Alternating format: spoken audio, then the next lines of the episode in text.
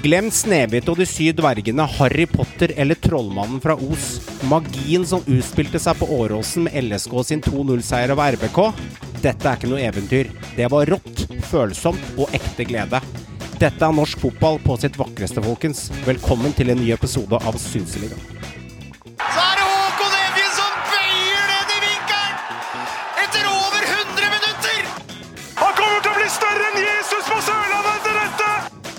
Faen meg Folk pisser eller folk er likegyldige. Det er det verste som skjer med en fotballklubb. Det er faen meg undergangen, det. Og det er han som omtrent aldri skårer mål, som prikker den inn nede ved stolpen! Det, det gleder jeg meg mest til. det er Alle diskusjonene som kommer, og alle som kan alt om fotball, som dukker opp igjen og, og veit fasiten.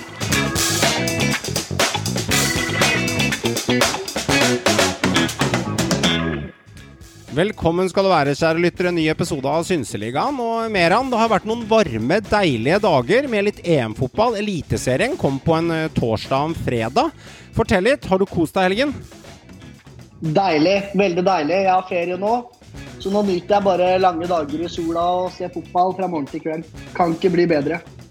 Håvard, eh, grillkongen, eh, kall det hva du vil. Eh, jeg har fått noen eh, snapper, holdt jeg på å si, noen meldinger. Faktisk én liten snap også fra en lytter der som, eh, som har prøvd seg på en eh, arbeiderklassegrilling. Og det er hyggelig å se. Jeg ser at du viser thumbs up der. Hvordan har helgen vært for deg? Har det blitt noe kjøtt og agurk på grillen, eller hvordan er det?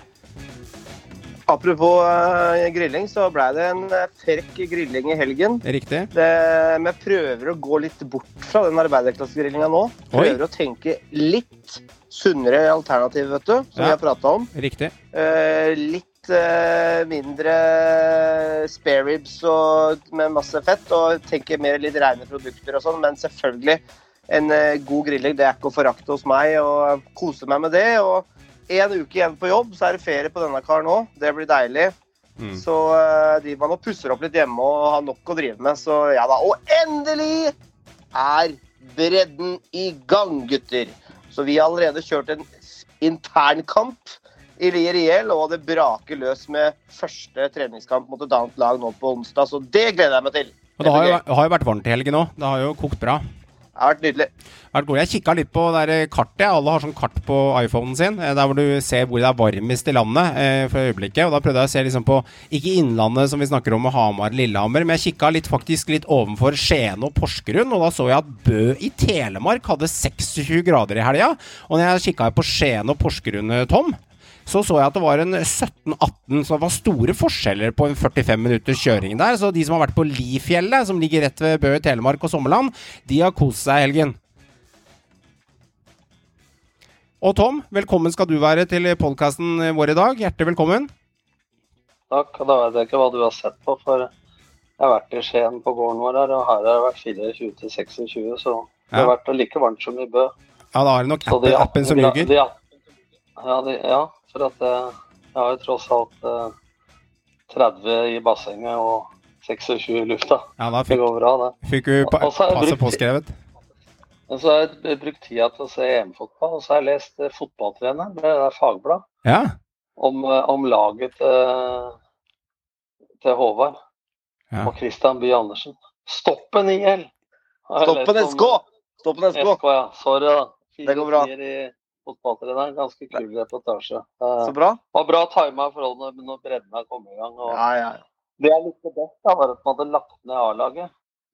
Så har de oppretta igjen, da, så Meran og Håvard kan få lov å le av seg. Men det er kanskje Lier dere spiller på, ikke Stoppen? Eller? Dette her er i Altså, jeg er i begge klubber, jeg er i begge leire, men i A-lagsfotballen så er jo Lier, IL og Stoppen store rivaler. Så Stoppen SK er på mange måter vår eh, hoved... eh, Hva skal jeg kalle det? Fiende i eh, Lier kommune. Så vi håper, jo, vi håper jo om noen år å overgå dem, da. Men det er jo noen divisjoner opp, for å, for å si det mildt. jeg skal ta meg tida til å se en sånn match, og tro meg, jeg skal ha med et kamera. altså. Du, eh, vi, skal Ja. invitere, vi skal invitere deg, Tom, og da skal vi bære deg på gullstol inn på Tranby stadion. Så skal du få lov til å kommentere. Eh, det hadde vært gøy. Da syns jeg også at du må, må diske opp med litt eh, arbeiderklassegrilling etterpå, faktisk. Ja, ja, da- det er en del av Men, men, men, men, det men det er en ting som ikke rimer her. Dere snakker om arbeiderklassegrilling. Ja. Og så sier dere helgen i tillegg. Da må du si helga. Altså, Å ja, okay. det, det går faen ikke med dette her Det neste er vel at vi grillet, grillet litt i weekenden. Ja, grillet i weekenden. Grillet, ja. Vi grillet. Ja, Håvard er jo på vei nå med litt, eh, litt sånn eh, Tina fra Kiwi-reklamen for tre år siden. Og grille litt Ja. mer sunnere. Begynner å bli litt mer jålete på grillinga da, når du skal bake inn Ja, og tomatene? Jeg er vel litt pga. helsa mi, rett og slett. At jeg begynner å tenke litt andre Ikke da at jeg er blitt noe julegris, men eh, man tenker jo liksom litt på hva man dytter i trynet, da. Man prøver Enig. å tenke litt på det, og ja. Det er jo du et godt eksempel på, Johan. Jeg er veldig enig med deg, og jeg syns det er bra å være bevisst på de tingene. Og så må folk finne ut hvor linja på arbeiderklassegrillinga står. Angående når du nevner eh, Christian eh, By Andersen, han fikk jo faktisk eh, 15 kamper han for Odd fra 2000 til 2002, og han kom fra Eik Tønsberg rett før det. Så det er en habil Da var han toppskårer i Obos. Det stemmer. Husker det er 20 år tilbake. Han eh, Han, er nok noe til muskelen. han, han, han kom til Odd rett før jeg dro. Riktig. Riktig. Så gikk han til Ørn Horten, Tollnes, Skottfoss, Liongen, eh, Sparta, eh, Spabra og Stoppen for å gjøre en eh, kort karriere. Og Da, da. da har vi gått gjennom Christian. Kaller det, kaller det programmet? Ja, Shout-out til Christian By! Nå fikk han uh, ett minutes of fame her i, i poden vår. Morsomt, det. det er morsomt. Det er godt at alle har det bra. Alle smiler og alle er fornøyde, og sola skinner. Og snart har halve 2021 gått. Og eh, det betyr at uh, tabellen, Håvard, kan vi begynne å se litt grann på. Og Tom, du var jo og kommenterte uh, på For Romerikes Blad, hvis ikke jeg husker helt galt, i helgen. Og vi fikk jo se et eventyr på Åråsen. Ja, altså For det første så var eh, LSK taktisk gode i sin 3-4-3-formasjon. De, de bytter jo litt på nå mellom 4-3-3 og, og 3-4-3. Mm. Eh, De stengte alle sentrale rom og lot Rosenborg spille rundt dem. Og ville heller få innlegg mot tre stoppere. Og Rosenborg, dessverre, altså de fleste spillerne der bruker eh, tre og fire touch for mye på ballen. De spiller tvers og bakover. Og jeg kjenner ikke igjen medløpsfotballen til Rosenborg i det hele tatt. Det å være i forkant at ballen går i lengderetningen. Selv om de har ballen mye osv., så, videre, så så skaper de veldig, veldig lite. Og det er litt av Lillestrøms fortjeneste, men eh, jeg kjenner ikke Rosenborg igjen. Altså, de avslutter riktignok kampen med de to beste indreløperne for tida, etter min mening, i Zakariassen og Holse. Men de starter jo med en midtbane som ikke trekker skinnet av pølsa engang. Altså, der går det treigt nå. Tetti, Tetti spiller bra ut ifra sin lille matchtrening på rutine. Men det blir at han går ned og henter ballen mellom to stoppere, hvor Rosenborg før frispilte mellom to stoppere. Da. Så er det nå to backer og to stoppere og en sentral midtbane og en keeper foran spissen til LSK. Dvs. Si at de er fem-seks mann altså nede i banen, så de har nesten ikke spillpunkter foran ballfører. Og få motsatte bevegelser. Så det var skuffende. Men så er det jo skrevet i stein at uh, Pål André Helland, som mange prater om har vært skada, han har faktisk sin første skade i LSK nå. Han er rett og slett blitt tatt ut av Geir Kåsne for å bygge den opp på en. Og nå var det Tetti som sto oppå beina hans og skulle røske løs beinet, så vrei han og fikk en lyskestrekk. Så jeg hadde, var jo i studio der sammen med de etterpå. Og Eskil Ede, en 18-åring, spiller som han skulle spille 200 kamper. Og så Aasen i tillegg, da lager det andre målet. Så det var mye følelser der i intervju på Romerikes Blad etterpå også, så dette betydde mye for eh, Så 45 minutter etter kampen så fløy Aasen opp på tribunen til noen leiligheter i svingen der. Og ga bort drakta si, bare at han så ikke hvilken drakt det var. For han ga bort Helland sin, nummer sju, isteden. Eh, men jeg merka det. Det var 2000 tilskuere på Åråsen. Det har ikke vært folk der over 200 og 600 forrige gang, siden den kvalikkampen jeg var med på mot start. Og det var helt, helt enorm stemning til å være to så det var eh, en fin opplevelse for Lillestrøm-folk. Men eh, bra Lillestrøm, og utrolig svakt, syns jeg, av Rosenborg for tredje kamp på rad. Jeg må si det var rett og slett litt eh, Jeg har ikke noe sånn veldig sterkt forhold til Lillestrøm, men eh, det intervjuet da med, med Helland og, og Aasen der sammen, to liksom bestekompisene som har dratt på denne reisen her sammen og flytta inn i en sånn kjellerleilighet som et sånn gammelt ektepar. Og så står de her og prater om den triumfen og omtaler det som nesten det største de har opplevd, liksom. Og den eh, altså på en måte comebacket da, og, og den eh, behandlinga av Aasen, den tituleringa, at det var en spiller som kunne gjøre det greit i Post Nord. Når du på en måte får det stempelet fra da Åge Hareide og teamet. Så å slå tilbake der og bli matchvinner, på mange måter så blir de jo nesten matchvinnere begge to. Uh, altså, begge to kommer jo uh, måte i, fra fryseboksen i, på, i Trondheim og, og svarer med scoring, da, selv om Helland riktignok må ut med skade tidlig. Men det er noe med å, liksom, å sette den, da. Så det var jo et litt sånn vakkert øyeblikk eh, når du ser dem er på gråten begge to der. Eh, så jeg er helt enig med deg, Tom. Altså RBK, det, hva skal man si? Der er det fryktelig mye å jobbe med. Eh, Jeg tror jeg bare stopper nesten der. Så kan vi eventuelt Bare, Johan bare, fylle bare, bare en kommentar til det med Aasen. Altså, jeg har sett en del treninger og, kamper. og Han har en enorm spillerforståelse. Ofte høyere enn det man eh, spiller, spiller sammen med. Så, så han er, og det som jeg snakker med folk internt der, da, det er jo at de har enorm betydning. Det var intervju med han Eskil Ed som var 18 år og debuterte eh, for Anger når han hadde karantene. og Hvordan disse gutta har tatt vare på de unge i garderoben, og hvilken betydning den har for å sette standarden på ting. Og Det er veldig bra. Når det gjelder den kjellerleiligheten, så er det Håken, en lokal helt på Lillestrøm. To hus bortafor eh, barndomshjemmet mitt. Så jeg får anbefale at han kommer seg ut av den kjelleren eh, fortest mulig. For, for sommeren så foregår det litt i det huset der. Så jeg tror nå har de fått familien ned- nedover. Så nå tror jeg de skal finne seg en annen bolig, for å si det sånn. Men eh, jeg må jo innrømme at det er jo gøy å se. da, altså, ja Tom, du sier at de varierer mellom 4-3-3 og 3-4-3, men det er jo i hvert fall etter mitt syn absolutt med 3-4-3. Det har lyktes eh, for Bakke og Myhre nå og LSK. Og lagt om formasjon, rett og slett, eh, etter en del svake kamper. Og, og gøy å se at man har da evner til å, å forandre da, på noe som ikke fungerer optimalt. Og nå syns jeg jo Lillestrøm ser ut som et ganske bra lag. og må jo ta med oss Thomas Lene Olsen og den der, altså oppturen han eh, har hatt nå, og virkelig stått fram som en leder og kaptein. og Nei, jeg syns det er litt morsomt jeg, da, med, med LSK nå, som, eh, som på en måte har fått uh, toget på skinner. Bare en kommentar, Johan. for at uh, Jeg snakker jo med disse trenerne. altså De har ikke lagt om. altså Det er et alternativ. Og de var gode i de to kampene de spilte 4-3-3 før det. Og de har bare tre midtstoppere i stallen. Og nå er Filip Slørdal skada. Så nå er spørsmålet Men faktisk så blei laget mot Rosenborg, når de fikk Daniel Gustavsson på venstre kant til å stoppe Zakariassen og kompani, og Holse, når de bytta side, og fikk Bjette Dragsnes ned som venstre sidestopper med venstrebeinet sitt, så ble de faktisk hakket bedre enn de var med Slørdal. Men de har kun tre rene stoppere i stallen. Så de velger dette i forhold til litt form, hva som har fungert, men også i forhold til det motspillet de ønsker. I forhold til hvilken formasjon eh, motstanderen kommer med. Da. Men at det har fungert bra i de tre kampene. Men de har egentlig vært gode. Etter dem fadesen mot Viking, så har de tapt mot KBK, men eh, også har de vunnet etterpå. Eh, og de fem siste kampene har Lillestrøm sett solide ut, som vi spådde her i poden til å begynne med. For de skuffa voldsomt mot Gods og Viking.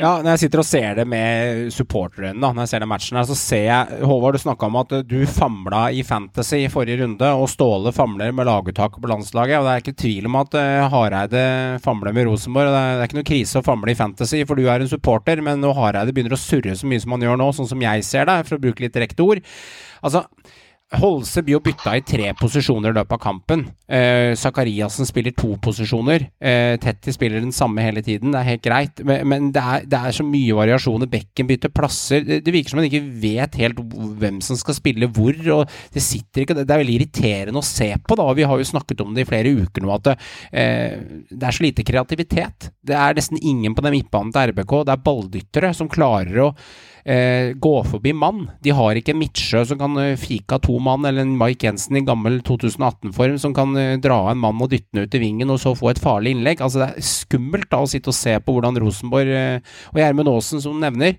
det er jo en spiller som tar av én eller to mann, og han dytter de bare ned til Romerike, for han trenger man ikke. Og Vi nevnte jo også for noen uker siden, Sødlund nevnte jo det tidligere, at han er en av de bedre spillerne han spilte med Rosenborg som var veldig god til å se andre spillere. Og Sødlund har spilt med noen gode spillere i Rosenborg i løpet av tre-fire år. Men han er tydeligvis ikke god nok for dette laget. Men han var veldig bra, som Søder sa, på å se andre. Terpe på egne pasninger. Som Alex sa, da. Når jeg legger en vekta pasning, kommer den med skru utover, eller kommer den med innoverskru, så det er lett for spissen å avslutte? Kommer den med bue, kommer den med nok fart? Han alltid er selvkritisk til de tingene, og Aasen er veldig, veldig god på det. Og når en spiller som har spilt sammen med han i Rosenborg, nevner at det er en egenskap han som midtbanespiller var opptatt av, versus andre i klubben, det sier en god del om Gjermund òg, faktisk. Jeg syns også det er litt eh, kritikkverdig jeg, da, av Hareide. å da dytte eh, Doff ut på kant, som da er en av de få som har fungert som indreløper, og faktisk da skåra sju mål. Altså, som jeg sa sist, Ja. hvor hadde RBK vært uten Kristoffer Sakariassen? Da, da snakker vi kanskje nedi sumpa. så det, er, det er ikke godt å si, det, det blir synsing. Ja. Men, eh, men uten han og hans bidrag, så har det vært tynn suppe. Og jeg må si det igjen, altså. Riktignok måtte han ut tidlig, men de famler veldig med Siljan. Fordi at Siljan han må liksom spille på for enhver pris, men han er i den rollen der som vinnerløper. Han er ikke god nok. Skal Siljan spille Han sliter med tempo, han sliter med å flytte beina, han sliter med å tre igjennom. Han, han, han klarer ikke å behandle ballen. da. Ja. Han har, som, som jeg har sagt sist, hatt en sånn balldytterrolle, en ballvinnerrolle i Hertha Berlin, og stått der og liksom vunnet ball og spilt den videre. Og, og det funker ikke som vinnerløper i Rosenborg. Han kan ikke spille der. Så jeg mener Jeg nå, før Henriksen er tilbake, så, så, så må Petter spille der, så må Siljan ut på benk. For han, er ikke, han passer ikke som indreløper i RBK. Men jeg mener at uh, det ikke nødvendigvis ikke er uh, mangel på individuelle ferdigheter eh, i det laget, men det er mangel på å sette sammen laget på en rett måte. Fordi at uh, Ja. for meg, for meg nå, så er når Tetti da ikke er i form og kan spille bare på gress, er Vebjørn Hoff, Holse og Sakariassen den beste midtbanen. Og hvis du skal greie å flytte beina fort nok i forhold til Bodø-Glimt og de motstandere av Molde osv., Ja. så, så må du ha den folk som flytter beina Da blir du avkledd. Eh, Og så bruker han jo argumentet at han ikke har kanter. og Vekki er skada, men eh, du kan Holse er jo kant og indreløper, men du har jo eh, du har jo Seid. Seid. Ja, og jeg mener at eh, jeg skulle heller ha spilt med en litt dårligere kant i uvant posisjon enn å fjerne Zakariassen fra midten. Og Vebjørn Hoff også er ålreit i den sentrale rollen. Men jeg syns også at de utfordrer lite fra bekk- og stoppeposisjon for å skape overtall bakfra. Så det går rett og slett for smått. Og så har de altså et kjempeproblem. For de har ikke midtspiss som er god nok. Altså, er- Moller er bra, men altså han Dette har vi tatt opp utallige ganger, og jeg er helt enig. Altså Dino og Mollins for den saks skyld. Jeg syns ikke det holder mål som toppspiss i RBK. Det beklager, det holder ikke mål. Kanskje i Sarpsborg og sånne ting, men som RBK som lag som skal ta, liksom ta gull, og så er det det du stiller med på topp. Mm. Nei, jeg forstår det faktisk ikke. Her må de ut og handle, altså. Og da er jeg, det, er, det er derfor jeg blir så forvirra. Hvorfor i all verden låner de ut Ole Sæter da? Nå som han endelig er skadefri og kan begynne å spille, så låner de ut til Ullskissa. Jeg syns det er også en veldig merkelig, merkelig greie å gjøre når Dino er sånn som han er og har vært i år, og Molin sikkert klarer 90 minutter. Så tenker jeg at Ole Sæter ville vært en god backup. og få spilt han inn også. Han har jo ikke fått prøvd seg, men eh, tydeligvis så holder han i mål, da. Men, eh, men igjen, det er flere som er sendt på dør der som ikke har fått sjansen, og som viser det andre steder. Så kanskje det hadde vært en idé å teste ut Ole Sæter, da. Men ja, Mm. jeg tror nok RBK kommer ut og handle, for å være helt ærlig. Nevne én ting, Mens da. vi prater om RBK, så skårer Sveits mot Frankrike. Sveits, det er spennende. Det er mye sp spennende. Skjer, skjer ting i EM òg. Skjer ting i EM. Det er litt artig. skjer det ting. Satt og så på Der Eurosporten. ryker den bongen, for å si det sånn. Jeg satt og så matchen, og jeg syns det er litt artig da når kommentatoren er så skråsikker på at Rosenborg har ikke tapt eh, tre kamper siden 2012 eh, i norsk De fotball. tapte tre i fjor. Nei, de tapte fire, fire på rad i fjor. Jeg sjekket Ja, ja, opp. men det er De, vel mer enn tre, er det ikke det? eh, de Har ikke tapt tre på rad.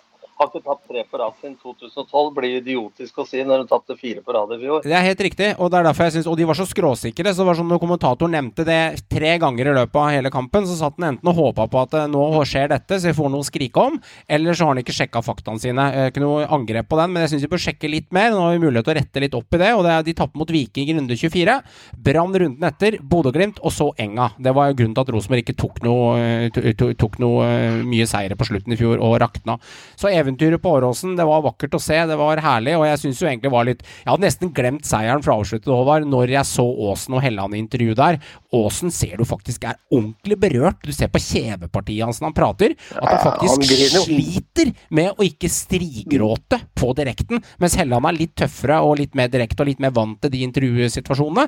Men det gjorde virkelig inntrykk på Aasen på slutten der, så da hadde jeg glemt tapet. Jeg syns det var så vakre fotballscener. Så eh, det må bare hylles. Så eh, Lillestrøm, det, det skal dere ha. Det er godt blåst. Og Rosenborg, det er hjem og trene. Et lag med han som ikke trenger å trene, jo trenger å trene, men de har iallfall trent seg riktig i en periode, selv om de har en sju-åtte skader på papiret. Molde med en sterk seier mot Bodø-Glimt, eh, og det er andre tapet til Bodø-Glimt i år. De røyker mot Odd også. Og eh, ja, Molde de viser seg, altså, selv med eh, nesten et helt greit eliteserielag ute på papiret. Men der ser du hvor, hvor viktig det er med en klassespiss, da, som også er med på å skåre mål. OI igjen altså, er helt fantastisk, men det er jo ikke bare OI. Alle de som er på banen, leverer egentlig en kjempekamp mot Glimt. og Det er egentlig helt utrolig med tanke på hvor mange de har ute. Da. Men det viser jo hvilken bredde Molde har, hvilken kvalitet de har i stallen. Så det er, jo, det er jo bare å ta seg av. Jeg er spent på fortsettelsen. her, altså At de klarer å holde dette her ut. At de ikke går på sånne ja, Kall det mye surre, unødvendige surrepoeng som de skusla bort i fjor, da, basert på det lagbyttet hele tida. Men, men, jeg- men jeg tenker klarer de å stå inn til her nå Åh, Molde, er- Molde kan bli veldig farlig utover nå. Altså. Lyktes eh, ganske bra med uttakene sine nå, Erling Moe. Og veldig. som du er inn- inn- inne på, Meran, det har vært litt rullering, men ikke i nærheten av den rulleringa som det var i fjor. For da var det jo liksom litt joker nord om hvem som starta. Nå er det litt mer kontinuitet på, på uttaka. Og, og, men altså selvfølgelig en stor stor forskjell er jo nettopp det at OI er i kalasform. Altså elleve mål nå på er det ikke ni kamper, jeg tror det er det. Eh, Det er, det er klasse. Og eh, jeg vil jo også trekke fram faktisk altså Ola Brynildsen, Eirik Ulland Andersen, altså Aursnes selvfølgelig. Altså det er mange der som er i klasseform nå. Men Molde har en utfordring nå. Dette har vært også tatt opp. De har solgt Markus Holmgren Pedersen. Han er eh, borte. De sitter nå egentlig Etter 1.7 så sitter de uten høyrebekker, for Haraldseid er skada og Knutson er skada. Så da må de rokere om hvem skal spille høyrebekk. Eh, I tillegg så er Aursnes kanskje på vei bort. De vurderer et bud fra Werder Bremen. Kontrakta hans går ut etter sesong. Og i tillegg så har du da OI, som da er brennheit. Og skal de få noe penger for han, så må han selges i sommer. Så eh, ja, men de seiler eh, fram som den klare gullkandidaten, vil jeg nesten si. Men spent på å se hvordan Molde ser ut etter, eh, etter sommerpausa. Men det er jo helt naturlig at de ikke har rullert like mye i år. fordi med bakgrunn av fasit i fjor, men også Du nevnte noen av skadene. Men du har Martin Ellingsen, Fredrik Sjølstad, Fofana eh, Bjørn Berg. Fofana er på benken. Ja, men han har slitt litt. Og så har du Bjørn Bergman Sigurdarsson som eh, er ute. Mattis Mm. Bolli er ute. Så jeg har ikke så muligheten til å rulle det lenger ellers. Jeg er litt spent på uh, Eikrem nevnte vi han. Han er ute, han òg. Ja, og eh, jeg er litt spent på nå hvordan det ser ut. Og jeg tror faktisk at de ikke kan selge OI, selv om etter lang og tro tjeneste.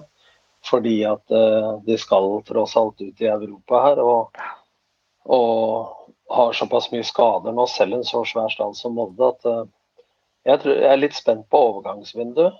eh, og hva som skjer med skade nå, før jeg sier at det må være en klink vinner av serien. for å si det. Nei, klink er han ikke, men seiler fram virkelig nå, når du da slår Jeg tror faktisk jeg leste at Glimt har ikke tapt på 30 kamper uh, på Aspmyra. Så det er jo sterkt å bryte den barrieren. Jeg tror Ja, er og så skårer de alltid mål. Bodø-Glimt de skårer alltid, så, Så, å si. Og det er jo et lag som eh, virkelig slo hardt tilbake etter eh, etter den, Meron, etter den kampen der. Så eh, det Bodø-Glimt-laget, de, de er ikke avskrevet, kan du si, heller. Så det er et meget sterkt lag. Men akkurat per nå så er Molde det beste laget i Norge, og det er ganske fortjent. Ja, det er litt sånn fascinerende, for, for å ta tak i det du sa først, der, Meran. Hvis de klarer å få orden på disse resultatene som de surrer bort uh, tidligere med, mot, uh, altså Som de tidligere har surra bort. Ja, altså Bodø-Glimt, om du taper mot de eller vinner mot de eller uavgjort mot de, så blir du ikke slakta, for det er et sterkt fotballag. Men sånn som i fjor, da, så, eh, så tapte de begge kampene mot Sandefjord. De tapte 2-1 borte, og så tapte de 0-1 på Røkkeløkka. Uh, og det er jo seks poeng waste of money, og det burde du normalt ha to seire eller en uavgjort og en seier. Og det er jo typisk et lag som Sandefjord som alle dømmer nord og ned i fjor, og i år igjen. Der tok Sandefjord to og to stikk i fjor. Vi har ikke sett det fra Molde i år. Så er jo mot disse laga her, når de plutselig får sånne rekker på fire-fem kamper og, og, og faller litt sammen, og Eikrem var ute i fjor og sånne ting, klarer de å rette på de tingene. Men det er jo som Håvard sier, det er noen spørsmålstegn. Nå flyr de høyt. Mister de litt for mange spillere der, og som Tom sier òg, vi har ikke råd til å slippe OI, så kan det komme noen stygge tap der, og da er plutselig luka tetta. Ja, men du har jo du tåler også en mer smell da, fra Molde sin side i år. fordi Mm. at du, har ikke et lag som Bodø-Glimt som er like suverene som i fjor. Nei. Og når Bodø-Glimt nå mister eh, Sørli med korsbåndskade resten av sesongen, Ja. og Solbakken er ute med skuldra ut av ledd, og du må bruke Lasse Nordås som var ute inn av laget til Strømmen i fjor, selv om han har hatt stigning. Så jeg er spent på hva de gjør nå i overgangsvinduet, for de pleier å ha spillere klare. og eh, Det er kanskje urealistisk, men eh, skal de leie Jens Petter Hauge? Er han interessert i det? Ja. Eller eh, hva skjer? Men jeg er spent på overgangsvinduet både for Molde sin del og for, eh, for Bodø-Glimt sin del, av hvordan dette vil se ut. Jeg tror en spiller som er mer aktuell til å komme hjem, det er Håkon Evjen, tror jeg. For han har vært uh, ute i kulda lenge nå, og uh, rett og slett spilt lite i Nederland. Eh, Jens Petter Hauge har riktignok uh, vært i, i Milan og i Serie A og spilt en del, men vært, uh, fikk lite spilletid på slutten av sesongen. Men jeg tror det er større sjanse for at Jens Petter Hauge blir lånt ut til en annen uh, ganske bra klubb, mens Håkon Evjen, som er så ung fortsatt, han må ha spilletid snart. Og det har allerede vært snakk om, i, i fjor til og med, at han var kanskje på vei tilbake på et lån. Så eh, Glimt, som du sier, Tom, de, de må hente nå. De har begge førstevalgvinga ute. Og det er us, altså usikre kort, litt sånn ubeskrevne blad, som skal ta opp den hansken. Og det var tross alt da eh, eh, Sørli og Solbakken som erstatta Sink og Jens Petter Hauge. Ja. Og nå er begge de ute også. To vinger òg, eh, vet du. Gli- To vinger. Glimt har, og det er veldig viktig i Glimt sitt spill, Ja. så eh, Glimt har Men utfordringer. Men, men allikevel så leder de altså 4-0 mot Stabæk til pause. Ja. Så jeg må jo si ta med hatten for det de greier Ja. å prestere med alle de utfordringene de får med salg Ekstremt. og skader de får oppi der. Og så sier, sier Jan Jønsson at eh, de var veldig fornøyd med annen omgang. Nå har vi glidd litt over i Bodø-Glimt og Stabæk, men det får være greit. Mm. Eh, blir naturlig. Eh, og da tror jeg de eh, klamrer seg til noe håp, altså fordi at eh, det kunne vært 5-6 og 7-0 Ja, i begynnelsen av annen. Og så sier de at de er bedre med, og så bytter Bodø-Glimt eh, fem mann, og så spiller de på resultat, og så er det en unggutt, gledelig nok 2004-modell, som klinker den i bøylen. Men det blir litt sånn tåkeprat for meg, altså, for det, det der var så overkjøring som det går an å få blitt. Det kunne vært mye mer. Ja, men det er helt riktig. det. Det er, det er helt riktig oppsummert. Fordi den første omgangen den var så stygg. Eh, altså Bodø-Glimt den var så stygge mot Stabæk. Altså Det kunne, kunne endt i hvert fall 7-0 eh, hvis de hadde vært litt mer effektive. Eh, og det er helt riktig, fordi i andre omgang så gjør Glimt egentlig bytter ut alt, og de har jo noen skader der. og ja, det er eh, Men når typisk egentlig etter å ha leda 4-0. Det er, Men, Det er sånn som skjer.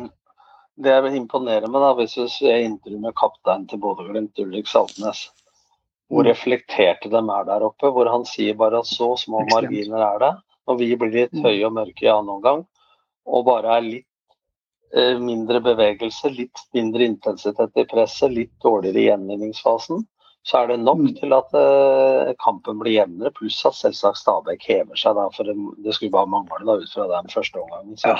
Men jeg synes det det, bare bare sier, sier, det sier noe om hele attituden til de folka oppe i Bodø der. Som ikke er De bygger på det de gjorde i første omgang. Men de står ikke der og prater om at det er naturlig å slappe av på 4-0 og sånn, sånn som alle andre prater. Nei, er De er skuffa for at de senka seg de og de prosenta. Og det viser eh, at de tenker hele tida utvikling. Eh, for å ta det Stabæk-laget, da. Det er jo, eh, altså Nå har de vel fem strake tap med han. Jeg tror det er det det ligger på nå. En rekke begynner å bli, begynner å bli stygg. Begynner å ligne på et visst lag fra Bergen. Eh, det, det ser ikke bra ut. Eh, der er en, virkelig en jobb å gjøre, og også inn mot et overgangsvindu. Altså, jeg trodde helt ærlig at Stabæk ville få seg nesten en liten opptur, selv om de solgte Bohinen. For at det, det var, er, var så, altså er såpass mye spennende, talentfulle spillere der som jeg trodde skulle ta et videre steg. Og det som har skjedd, er jo det stikk motsatte. De har stagnert og på en måte stoppa opp utviklinga si. Det er liksom hvem, eh, hvem skal på en måte lede an? Hvem skal er eh, være, stå for målpoenga? og det er merkelig det med det Stabæk-laget. Det, Det er det, det, ser ikke bra ut, men en, en, en skå, altså, gledelig overraskelse, da. Det er jo han eh, herlige Nusa der, som 16 Ja år, som, eh, som skårer et eh, praktmål.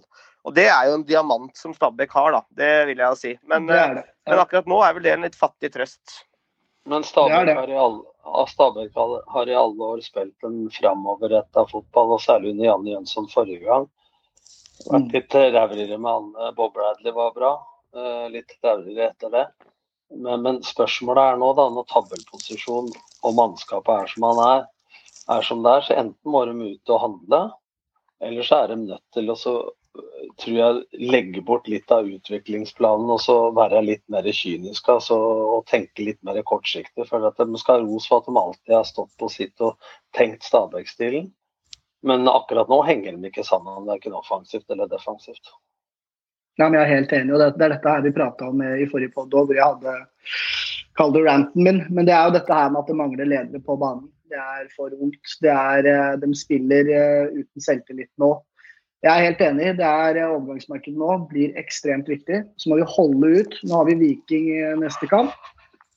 Men kampen etter det, det er, det er viktig å ta poeng altså, for å klare i det hele tatt henge med. Ellers så, ellers så ser det veldig stygt ut. Men, eh, men vi må handle, vi må få spillere inn.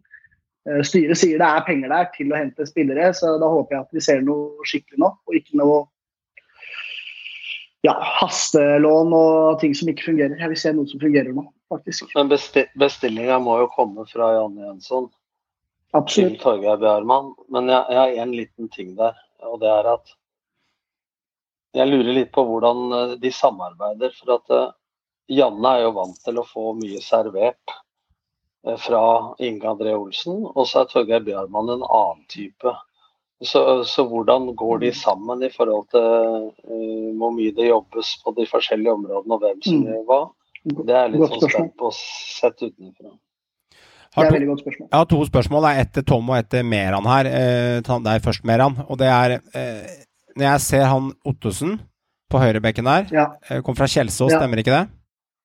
Det stemmer. Han kom eh, ca. for et år siden. Ja, så han mot Enga. Har sett den i en tidligere kamp også mot Haugesund starten av sesongen. Da hadde de besluttet på straffe i de første rundene der, mener jeg det var, tidlig. Eh, bortebanen Stemmer, der. Eh, riktig. Eh, og jeg syns han har levert meget bra. Han har lange innkast, han er skummel, og han legger, litt, legger litt sånn eh, assister og tar litt eh, frispark og corner innimellom. Og det er jo eh, Hvor lenge får man beholde han i Stabæk? Hva veit du innad om det, om skryten som foregår om han, Meran? Nei, altså det er, vi, vi kødder på forumet nå, faktisk. da. Og kødder med at sier at eh, nå går han til Molde. Mm. For han har jo levert kjempe, han har egentlig levert kjempebra siden han kom. Ja. Han kom jo rett fra Kjelsås og gikk rett inn i Elberg. da. Riktig. Eh, Og siden så har han ikke sett seg tilbake. Så nei, han har vært veldig positiv i år. Veldig toveispiller. Opp og ned, opp og ned, opp og ned hele tiden. Mm. Eh, Veldig offensiv òg. God defensiv. Men, men hvor lenge vi får holde den, det blir spennende å se. Men går det noe sted, så går det til Molde, tror jeg. Ja, men Hvis Stabæk har penger, som du sier, så vil det jo være idioti å slippe han til Molde i den posisjonen Ja, ja, ja. Stabæk er nå. Da må det komme noen millioner først. Og så tenker jeg på en ting, Tom. Jeg må spørre deg om det, for du har vært med i manesjen eh, lenger enn jeg har pusta. Og det er, jeg syns det har kommet en litt sånn ny trend. Jeg har lagt merke til at Adam Andersson kaster langt. Frid Jonsson i Viking kaster langt. Sarpsborg har kasta langt i flere år. Ottesen Stabæk kaster langt. Det er jo nesten et, eh, en corner på disse innkastene som havner langt inn på motstanders eh, banehalvdel. Og innkast har jeg lagt merke til i 2021. Mulig bare jeg legger merke til. Det har blitt et veldig farlig våpen, og jeg ser det litt mer internasjonalt òg. Men har det endret seg, eller er det jeg som har sovet i timen, eller er det en ny trend der, eh, Tom, som har, som har kommet der? At det er blitt en dimensjon i spillet, både offensivt og defensivt? Det går opp og ned i bølger. altså. Vi hadde Alexander Aas i Odd som gikk til godset, som pælma var farligere på innkast enn vi hadde på corner. Vi hadde det i start. eh, så det Men du veit at eh, alle sier roper i fotballekstra sånn at nå må vi til den og den stadion, for nå er det corner. Av laga jeg har trent, skåret ganske mye på corner, men i snitt altså skåres det på corner 4% av alle cornere som blir slått. Oi. 4 Så kanskje vi skal slutte å gjøre Og det overrasker meg litt, sånn som i mesterskap, EM og sånn. Mm, Jo bedre laget er, mm, jo mer, det er akkurat som det er, det er ikke bra nok, det er ikke prestisje nok å trene på dødball. For jeg, jeg syns jo laga i EM er elendig altså på, på corner og sånne ting. Altså, det virker som, det er litt sånn ikke fint nok for de store stjernespillerne å trene på dødball. Altså, jeg så det i EM i 2016 jeg kommenterte for NRK. Tyskland sto altså som stolper i soneforsvar på corner når Wales kjørte den der fire mann i pølsekø og kjørte den cornervarianten inn der. Og det, det overrasker meg. altså Det virker som at eh, jo bedre individuelle spillere folk har, så skal man liksom ikke ta organisering og dødball på alvor. Så, sant, det kommer nå litt på Fridtjons og sånn, er kanskje litt Men det går litt sånn Har du en kaster som er bra nok, som kan kaste, altså ikke en sånn poler inn, men at det, som er hard nok, så er jo det Det er jo lettere å være presis med hendene enn med beina, hvis du kaster langt nok. Vi hadde jo noen sånne artige varianter back in the days med Lasse Olsen. Lasse Olsen, slakteren, Husker som han? hadde saltokast. Mm. Husker dere det, gutta? Ja. Han kasta noe vanvittig.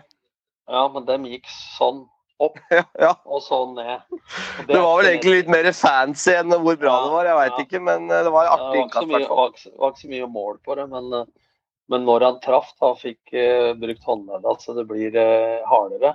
Men det er klart at når du tar salto, så er det jo lavt i utgangsposisjon når du slipper ballen eller spydet, da, hvis du ser for deg det. Så da blir det mer bue på ballen. Altså Hvis du kaster langt nok stående, så er det mer effektivt. ikke sant? Altså, men så kommer du igjen på, på hvem har du til å stusse, hvem har du til å heade på mål osv. Så, videre. så det går litt i bølger, så det er ikke noe nytt. Altså Vi drev og pælma langt hver eneste gang, vi i 98-99, for å si det sånn, med, med Odd. Og det var jo omtrent før du pusta, som du sa. Jeg digger, ja, det er litt sånn. Jeg digger det. Takk, takk. Veldig ung. Det er godt å høre. Eh, men jeg digger det. Jeg syns det er nice å se på, da. Eh, jeg syns det er morsomt å se på, da. For det, det, det skjer bevegelse. Det, det defensive laget må jo omstille seg når sånne kast kommer fra Viking eller Rosenborg eller Sarpsborg. Og det offensive laget får en dimensjon. Nå tror jeg bra ikke Eggen hører på deg, for han sa vel at vi har ikke betalt for å komme for å se på innkast. Det er riktig, men jeg liker det. det er. Jeg husker også han turneren i Lyn. Han som egentlig drev med turn, tok salto seks ganger når han Kim skåret. Holmen. Kim Holme. Han ja. er, ja, og han kasta for meg i Kongsvinger i to år. Ja. Hør på Han det. Han kasta for meg. Det høres ut som han driver med en helt annen idrett, vet du. Det er, det er herlig. Det er jo godt. Moro. Hei, du hører på Synseligaen av fans for fans. Mitt navn er Yao Mankwa, midtstopper i Stabæk. Og hvis du lurer på hva som foregår i klubbene, tabbene, målene, og ikke minst har lyst til å høre fra profilene i Eliteserien, så er dette podkasten for deg. Godset, Håvard. Altså, de begynner jo å se ganske bra ut på hjemmebane. Er, jeg sitter med sånn følelse av at de har fått av liksom de største tungvekterne på skuldrene. Slipper litt opp, tatt inn sola på Marienlyst og sagt at her skal være vårt fort. Og vi tok Rosenborg, vi tok Sandefjord. Ja, fikk en kjip en mot Tromsø, men det begynner jo å ligne litt grann ut fra de forventningene som har vært der. Og Friday han binder jo opp enormt, og plutselig så er han litt ustabil, men han ser ut som en million og har en sånn tilslag på ballen på den siste skåringa si som minner meg litt om gode, og gamle Odd Brann Bentley, med at han har sånn spesiell måte å slå ballen på når han først køler den innafor 16 i motsatt der. Hvis du husker Bentley når han la innlegg, han hadde en sånn spesiell måte å køle ballen på. Nei, altså Det er jo ikke noe tvil om at eh, Godset har eh, Det var et sjansespill å hente Fred Friday, og ekspertene, deriblant eh, godeste Jokke Jønsson, totalslakta jo den overgangen. og og du ser jo det nå, og gutten er jo ikke gammel, han er ikke 35, han er vel nærmere 25. Ja. Eh, og han viser at han kan spille fotball, og har vært en eh, veldig eh, fin erstatter for Lars, Jørgen Salvesen, som dessverre da er ute hele sesongen. Men, men det godselaget, altså, dem, dem er rett og slett blitt et ganske OK lag, med Valsvik inn. Eh, Riktignok det var tøft i nord, men hvem får det ikke tøft der, liksom? Bare spør Stabæk og an- andre lag. Så eh, godset er med, eh, og de spiller ganske OK fotball. Og, og vært ganske heldig og dyktig på overganger inn. Og den verste stormen har roa seg. Og akkurat nå så ser det jo ut som at den, eh, den ansettelsen av de blå, blå gutta som har det i sjela, med BP og Vibe Lund, at det på mange måter har roa gemyttene. Og fått litt glede og positivitet og litt selvtillit inn i gruppa. Og at det kanskje var et eh, I den, det kaoset som var, at det var et godt valg. da. For godset ser Det er ganske harmoni i godset nå, og de eh, er OK. Jeg tror at, eh, som du sier, Håvard, at det var nok mer bråk i media eh, enn det har vært internt. Og jeg tror den situasjonen til, eh, til spillere, når de fikk det som de ville, har vært mer samlende enn motsatt. Og akkurat i en sånn type situasjon, så er nok eh, BP og Håkon Wibelund eh, det rette for å få det med harmonien. Men det varer ikke over tid. Så jeg er spent på hvordan det Ikke noe mot eh, de som personer eller fagfolk, Men jeg må se litt over tid, for det er tross alt to stykker som har flydd ut og inn i forskjellige roller i, godset. Og sånn sett så er ikke det helt heldig. Nå skal de sitte ut sesongen, men jeg har vel mine sterke tvil om i hvert fall de er i hovedtrenerrolle begge to eh, neste sesong, for å si det sånn. Spørsmålet er jo også hvem som skal inn som sportslig leder. Det er jo ennå ikke ansatt en sportslig leder. Det er fortsatt Jostein, Jostein Flo som har en litt sånn der diffus rolle. Eh, hvem er egentlig Hvem skal inn der? Men akkurat nå flyter det greit, det skurer greit, og, og poengene kommer, eh, kommer inn. Og det er fryd og gammen eh, som vi er inne på. Men som du sier, Tom, jeg har ikke noe trua på dette prosjektet her, jeg heller, over tid. Så Ja, det du, eh, men det du sier om sportslig leder, Håvard, det tror jeg er viktig. For at det, det flyter bra akkurat nå. Og da er Ja. det, hvis det mangler dagleder, sportsleder osv., så, videre, og så, videre, så tror jeg det er å gjøre seg sjøl en bjørnetjeneste hvis de nå ikke får på plass det. For at det skal, nå er vi i halve 2021, som Johan innleda podkasten med. Og hvis du ikke begynner å tenke 2022 alternativer med en gang, så havner du fort i bakleksa både på spillelogistikk og alt, og du ikke veit hvem som skal trene laget osv. Så, videre. så jeg tror at det der haster mer enn de føler akkurat nå. For nå har Godset kanskje gjort det litt bedre enn både vi og andre har trodd på forhånd. Og så er det litt lett å tro at det bare fortsetter. Så jeg tror det, de må greie to tanker i hodet samtidig. Og De må greie å prestere best mulig og få ro i klubben nå. Men så må noen jobbe på bakrommet med de tinga du nevner her samtidig. Jeg føler det er litt sånn kunstig åndedrett, rett og slett. Du, liksom, du lever litt på lånt tid. Plutselig så går du tom for luft. Så du må på en måte, det må på en måte skje noe der. Og jeg skjønner, jeg, jeg må innrømme at jeg syns det er rart at det tar så lang tid. Det, det syns jeg. Men som du men vi er inne på, det flyter greit nå, og da stresser vi liksom ikke. Men jeg tror du må på jobb i Drammen, altså. For å få dette her på plass ganske kjapt. Men det er jo moro, da. Eh, HV våkner. eh, assist, eh, scoring. Stenevik, som vi tok opp, det er tredje kampen på rad. Han er der, altså. Og han, nå har han tre skåringer. Og han så ikke like glad ut nå som for førsteskåringa mot Rosenborg. Ikke at det er noe gærent, for det skjønner jeg jo når det er første skåring av Eliteserien, men uh, nå er han jo skåra tre skåringer og begynner å få ganske Skårte ikke mot Sandefjord. Ja, gjorde han ikke det? det med, Nei. Men det er litt, det er litt Nei, beklager, han hadde en assist, han hadde en assist Ja. der. Men han har et, mål, han har et målpoeng igjen, da. Og jeg syns det er Ja, fint at to skåringer er et målpoeng. Beklager den, det er helt korrekt oppsummert. Men han er der, og det viser jo at, det viser jo at de er på vei til å få opp her også, Tom, litt andre spillere vi kanskje ikke regna med. Ja, men jeg tror eh, vi blir litt for begeistra nå, hvis jeg skal helle litt Litt glede, da. Her, altså, for at, ja, men altså glede. Altså, vi må være realister. Det er greit at de har vært bra og vinner 4-0 en kamp, men de slapp inn sju oppe i, i Bodø, så kan du si at det gjør alle. Det blir for dårlig trøst for meg. Ja. Fordi at de har sett litt bedre ut defensivt, ja. Men de har sett veldig mye bedre ut enn det vi spådde.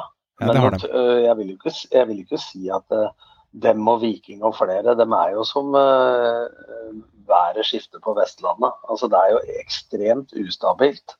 Ja. Så jeg vil nå se dette litt over tid før jeg skal si at det er noe sånn øh, kjempeframgang. Men altså de viser at de har et, øh, akkurat som i fjor under Henrik Pedersen, et voldsomt bra toppnivå.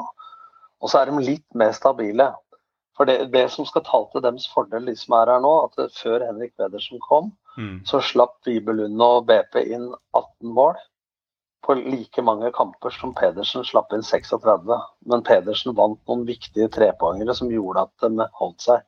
Det var på håret at de rykka ned. Altså hvis du ser da den høsten med Pedersen og den våren, da, så er jo det totalt sett i én sesong ikke vært noe halleluja-resultat med Henrik Pedersen. Eller? Det, det, media glemmer litt det der at eh, For han vant et par viktige kamper, men antall baklengsmål og ustabilt, og hvordan de så ut når ikke de fungerte i det høytpresset, det, det var ikke bra. Altså, så, så det skal ikke så mye til, mener jeg, å få litt framgang. Så vil jeg gjerne se at de hever båndnivået sitt enda mer, men det har vært stigning etter at eh, Vibelund og BP har tatt over.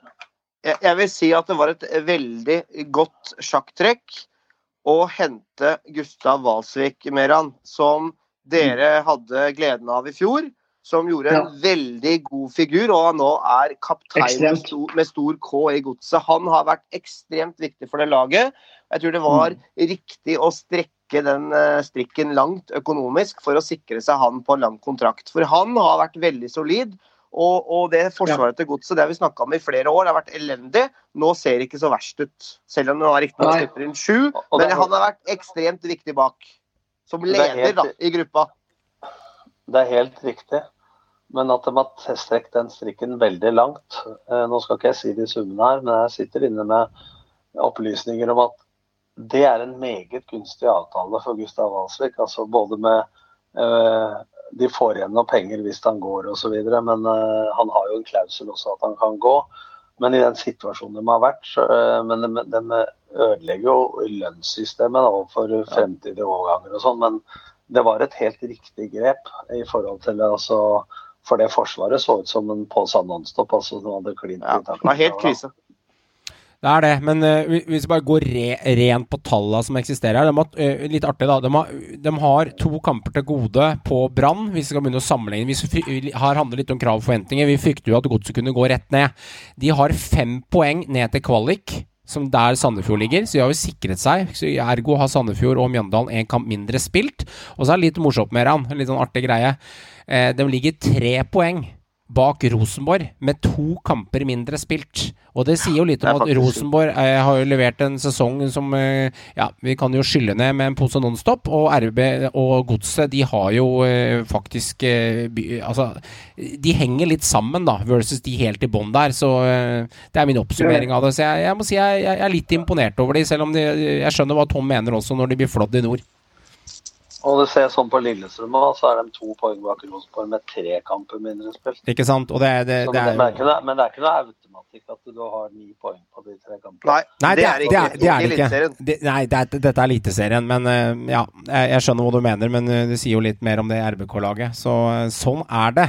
Godset imponerer noen, og jeg tror det er noen Strømsgods-fans som er ganske fornøyde. Og Sandefjord, vanskelig lag. De kommer fra, plutselig kan de vinne 3-1, 3-0, og så er det en kamp du skal vinne i Godset sånn, og så gjør du det med 4-0. Og de leverer, for å si det sånn. Det er sjelden Sandefjord taper så mye òg.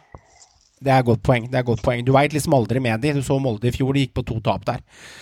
Yes, gutter. Fantasy det mm, har begynt å dra seg til. Og mm, den lille fantasy-lukten jeg har i minnet, så syns jeg kanskje jeg lukter litt sånn, Håvard, at eh, du famler på fantasy. Og Kan, kan, jeg, kan jeg si en ting først, eh, Håvard? Bare Ja, gjør det. Nei, eh, Johan. Ja.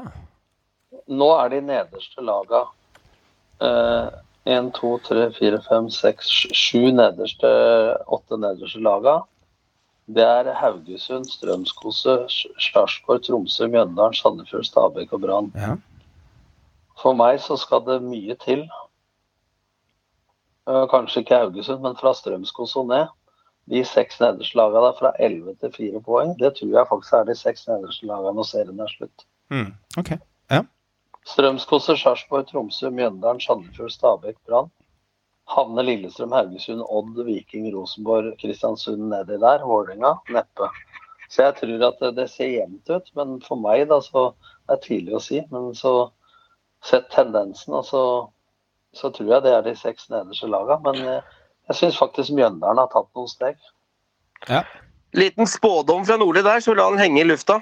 Det er deilig med en ja. lita spådom. Og Mjøndalen også har litt mindre kamper spilt, så de kan jo utnytte seg litt av det. Så det er et veldig godt poeng. Det er et godt poeng. Ja, Håvard, denne fantasyen. Eh, kjenner du fortsatt på at du eh, famler? Kjenner du at du begynner å få kontroll? Begynner å irritere deg? Jeg starter hos deg i dag. Det var jo en runde her som, eh, ja, eh, på godt og vondt. Eh, kan jo ta tabellen, for jeg setter ordet til deg der. Eh, Jeg ligger da på 57.-plass, fikk 95 poeng. Eh, Meran, du tok et ganske greit byks, faktisk. Eh, Du fikk 85 poeng, men du er en 20-30 poeng bak meg. Og så må jeg ned på side Ja, Joakim er på plass 100 med 499.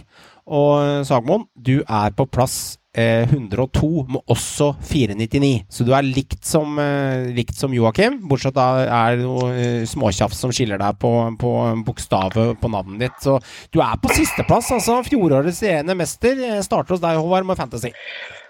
Ja, altså langt opp er ikke til deg, og heller ikke til mange, mange over der. Så det er et uh, par OK runder, det, så er jeg oppe og nikker igjen. Men Ja. så klart, jeg merker den, den uh, rike onkelen min som jeg valgte å droppe. Den, uh, den sitter litt uh, langt inne. Kjørte jeg også en uh, to kapteiner nå for å på en måte hente inn litt. Traff vel ikke sånn kjempe på den. Eh, traff greit på Botheim, men håpa på mer. Og Sondre Sørli, dessverre, han det fullstendig helbom på. For han ble jo, måtte ut med korsbåndskade, dessverre, og det var ikke måte på. Så bomma litt der, men altså helt grei poengfangst, eh, for så vidt. Eh, men eh, det hjelper ikke det når de rundt meg tar mye poeng. Så jeg føler jeg er inne på noe, men uh, nødt til å dra på litt nå. Skal vi henge med? Men igjen, jeg har ligget langt bak før. Det gjorde jeg senest i fjor, og dro inn noe jævlig på siste halvdel. Så det er absolutt planen min i år òg. Så jeg ligger ikke her og griner. Det er ikke noe slag som er tapt her. Det er mange runder igjen. Ja, det er de 30 poengene den runden her som skiller uh, meg og deg der. Så jeg treffer på to kapteiner ved å ha Du, eh, du hadde Du lå an til å ligge under meg, og så traff du eh, med ene kapteinen din der. Ja. Med Saltnes, var det vel. Riktig. Og, Så, og Fett. eh, Så, og fett, ja. Så eh, da løsner det litt der. Det er, det er marginer. Det er det. Og som sagt, kapteinsvalget, som jeg gjentar igjen, ekstremt viktig å treffe på. Der, eh, og så er det også å begynne i vurderingsfasen nå. Og begynne å kjøre tre spisser, som egentlig alltid har vært en suksessformel hos meg før. Nå er det såpass mange som har meldt seg på, så det er litt i vurderingsfasen hos meg fremover, altså. Meran, eh, Meran, du treffer på Bakenga.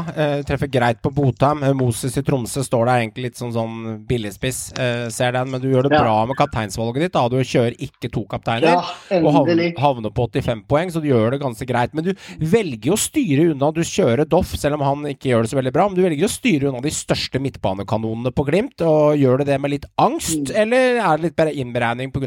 Pris? Det er, det er pris. For jeg er veldig fornøyd med Patrick Berg. Da.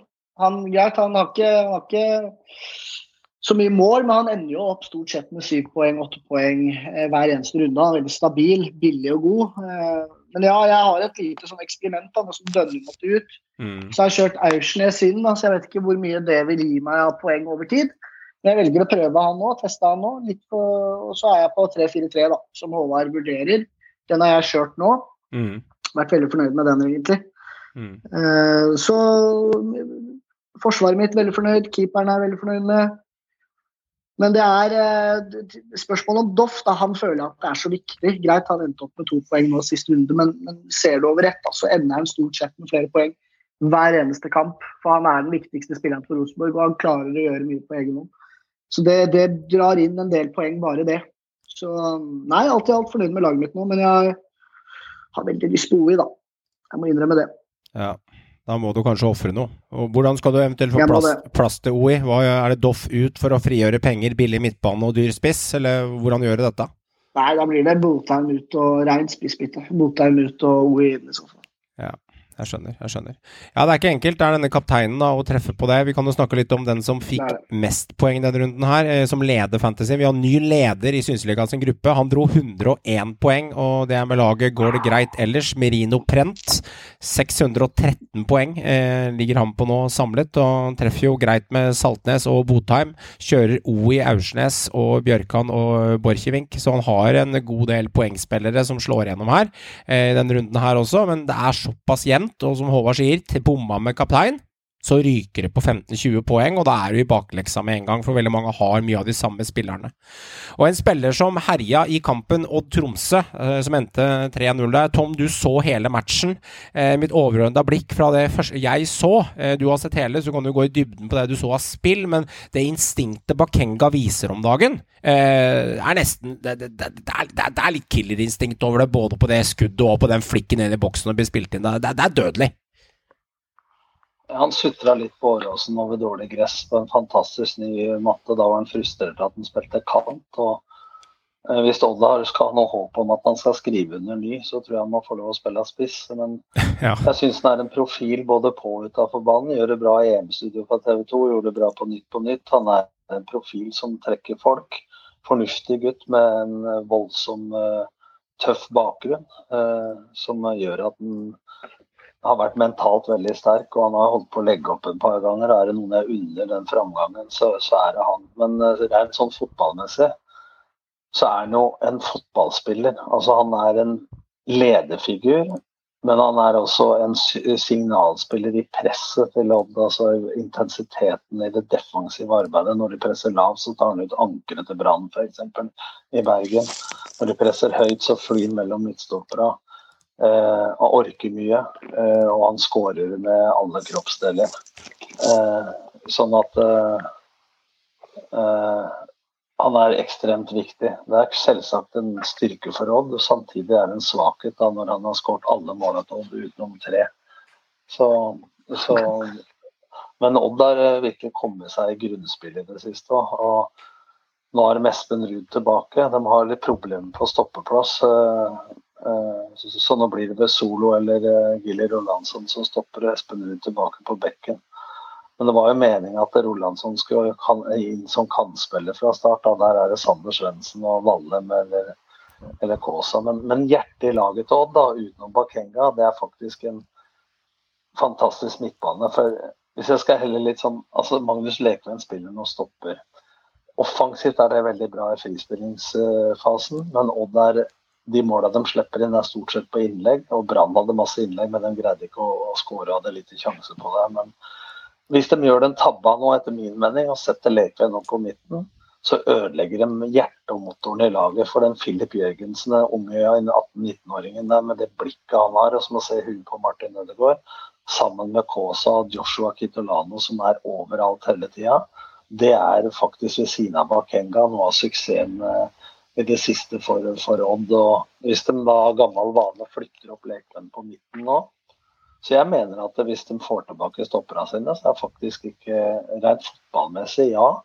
Men i forhold til dagens spill, så er faktisk da ikke Lekven eh, bra nok, sånn som jeg ser det. Jeg har sett de siste kampene. Jeg satt i Radio Grenland-studio der i to kamper nå og, og så det hele. og Kurt Skjem, som er juniortrener, var innom og vi diskuterte og var enige og uenige, så Gustav Føk i studio. Så, så jeg følger jo med, men jeg tror at eh, sånn sett med litt sånn eh, øyne framover òg, så tror jeg den mister mye av taket på midten nå, hvis de med den opp. I enkelte kamper, ja, men så lenge de krever så mye beinflytting. og Sander Svendsen er en kombinasjonsspiller, men har stått 90 minutter i siste kampen. I Bergen var han dårlig, men det trenger jo folk som løper litt for en defensivt, bl.a. Altså, så jeg tror du skal være forsiktig med å gjøre noe der. Så, så Odd og Bakenga, den er eh, Bakenga er on fire, og Odd er i stigning, sånn som jeg ser det. Altså er det litt sånn Håvard, med som Tom sier, han beskriver jo laget veldig bra, og hyggelig å se at uh, Ruud fikk uh, 31 minutter og kommer tilbake. og Det kan bli et fantasy-problem utover sommeren og høsten for veldig mange, uten å trekke inn spillet for mye. For vi vet jo at han legger mye assist, tar litt frispark og er en målpoengspiller i det spillet. Uh, og Det også gjør at det blir litt hodebry for noen. Men, men Håvard, vi har, kanskje Odd er kanskje et lag som går litt under radaren litt i Synseligas program også. for det er, det er liksom de har vært jævlig trause, de har hatt mye skader, vi har snakket mye om de eh, tidligere. Man, men så ligger de greit på tabellen, de ligger jo der de skal ligge. Eh, og så, De tar disse poengene, de slår, eh, de slår Glimt, de har overbevisende seire, og så har de fått en spiss som begynner å herje. Altså, Er det et lag som kan jeg nevner det, kan begynne å blande seg høyere opp på tabellen, eller er det sånn herre, ja, det, det, det her går rykk og napp, de hører akkurat der de er nå. Hva tenker du om det? Jeg ser nok ikke Odd på Odd nå som uh, noen medaljekandidat. Det gjør jeg ikke. Men, uh, men i røkla under der Altså, det er så tett og jevnt. kan ende på på fjerde-femteplass, men også åttende-niende, liksom. Altså Jeg føler det er så, så jevnt der, men, men så klart, det hjelper jo veldig at du har en av jeg vil faktisk omtale han som en av ligaens beste spisser nå. Han er jo on fire nå og får endelig spille spiss og blir satsa på og er jo farlig hver eneste kamp nå. Han er i kjempeform. og Jeg vet jo det at uh, Mors han ønsker seg en tur ut. Mm. Og han, er, uh, han ønsker seg en tur ut igjen. Han er på utgående kontrakt.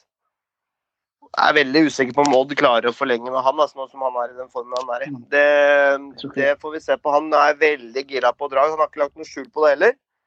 Han skulle restarte karrieren sin, og så ønska han et nytt eventyr ute. Han begynner å dra litt på åra. Og så jeg er spent på hva som skjer der. Og hvis de mister han, da mister de veldig mye. Men jeg er helt enig med Tom. Den midtbanen der er veldig spennende. Veldig god midtbane. De har tre muligheter med Bakenga. Det er eh, å forlenge kontrakta. Eh, fordi de, er der han tross alt har slått til og de har gitt ham en ny sjanse i karrieren. Og at de lover han å selge den etter sesongen f.eks. og ikke vinne det nå. Eh, og, og, det andre er jo at, eh, at eh, de, de slipper den nå, hvis prisen er riktig. Og det tredje er jo at spilleren ikke vil, og at han bare sitter ut kontrakta og går gratis etter sesongen. Men jeg har litt problemer med å se at Mors vil gjøre det med det verdisynet jeg har fått inntrykk av at, at han har. Ja. Hva sier du med det? Ganske enig. Jeg tror ikke, jeg tror ikke han blir det. Jeg tror, jeg tror han drar ved første mulighet han får. Jeg kan ikke se for meg at han blir. Jeg kan ikke se for meg at han eh, forlenger. Dessverre. Ok. Ja, ja interessant. De, de har jo disse to kampene mindre spilt. De slipper inn tredd minst mål i ligaen. Ergo de skårer ikke all verden. Bortsett fra siste kampene har de fått litt vann på mølla. Men de har åtte innslupne mål. Det er kun Hauge, gjerrige Haugesund som har seks, og Mjøndalen som har låst igjen helt med sju innslupne. Men de slipper inn mye mindre enn Viking. Rosenborg har jo ikke sjans. Vålerenga, Og er med, og det er, er Bodø-Glimt med- til og med.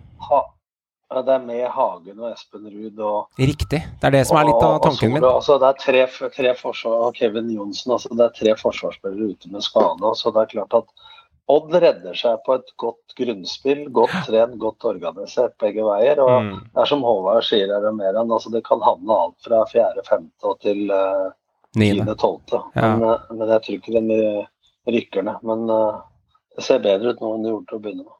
Mm, det gjør det. Men, men jeg føler at dette er déjà vu, at vi prater om det hvert eneste år. At nå er Odd veldig bra på, på våren, og så kommer høsten, og så skjer det alltid et eller annet. Om det er spillere som blir skada eller spillere som blir solgt, eller at de ikke klarer å følge opp. Men høsten i Eh, fjor, Meran, det, det skal unnskylde dem litt. altså For at de måtte drive med spille kamp hver andre, og tredje dag.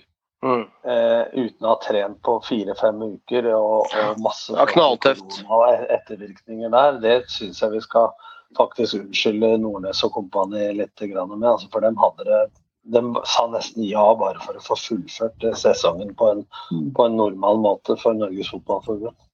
Det jeg liker med Nordnes, da, eh, litt når jeg ser det med litt supporterøyne fra avstand Han er en av de trenerne i Eliteserien, eh, i hvert fall som jeg observerer. Arrester meg gjerne, eh, så kan dere komme med deres synspunkter på det. Men som eh, Uansett om de har blitt flådd i en kamp når det skjer, og tapt stort, eller vunnet, så er han ganske sånn rolig til det. Han er veldig opptatt av dette var status quo, sånn gikk kampen, vi jobber på vår måte, vi har en plan som strekker seg lenger enn én uke. Så hadde jeg vært Odd-supporter, så hadde jeg blitt ganske rolig av det han sier i media. Han virker veldig profesjonell og god der. Så han er ikke noen som Fagermo har mer ytterpunkter med å begynne å rante litt og klage litt og styre litt, og så har han plutselig et herlig fårete smil. Åge ser litt stressa ut. Altså, alle har sine ting, men han er en vanskelig person å lese litt sånn om det går bra eller dårlig. Det, han virker veldig som å ha veldig kontroll. Jeg syns det er lett å lese den, ja. Ja, okay. ikke vanskelig.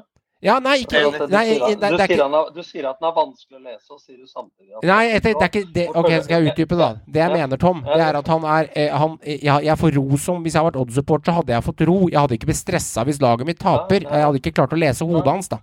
Nei, det er det jeg skal forsterke. fordi at eh, Mm. Poenget er at eh, han kommer ikke med masse fjas. Ja, det er riktig. Eh, du, har ofte, du har ofte sett de samme kampene som Jan Frode har sett. Altså, eh, Du kan alltid være uenig i detaljer, Mm. men stort sett så er han ærlig hvis de har vunnet på litt flaks, og han er eh, ærlig hvis de har eh, vunnet og vært gode. Da, da blir det troverdig når de sier at de har vært gode òg. Du har evnen til å si at i dag hadde vi litt tur. Så jeg syns han gir et troverdig inntrykk, da, som du sier. Derfor er jeg enig med deg at supportere kan føle at eh, de har egentlig ganske godt trenerteam og støtteapparat i Odd. og Vi snakker jo om dem og KBK som små klubber, altså, men hvis du begynner å se på budsjettet deres til sport osv., så, videre, så så er det faktisk klubber som man kan forvente skal være topp seks. Mm, jeg er riktig. Jeg er enig. Herlig, herlig. Mitt navn er Fredrik Pallesen Knutsen, og jeg spiller for FK Haugesund. Dette er Synseligaen, podkasten av fans, for fans. Ja, Håvard. Vi kan vel nesten si at Brann de skårer ikke minst, eh, men de skårer tredd minst. Og så slipper de inn eh, helt klart eh, mest.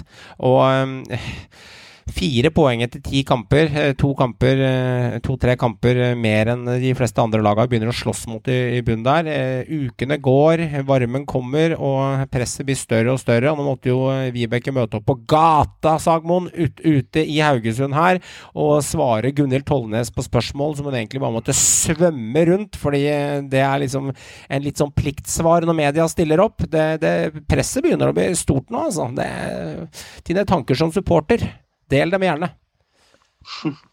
Ja, hvor skal jeg begynne? Nei, Jeg hadde jo en eh, rant sist. Prøve å holde det litt uh, roligere i dag, kanskje. Så Ja. det ikke blir noe beeping her.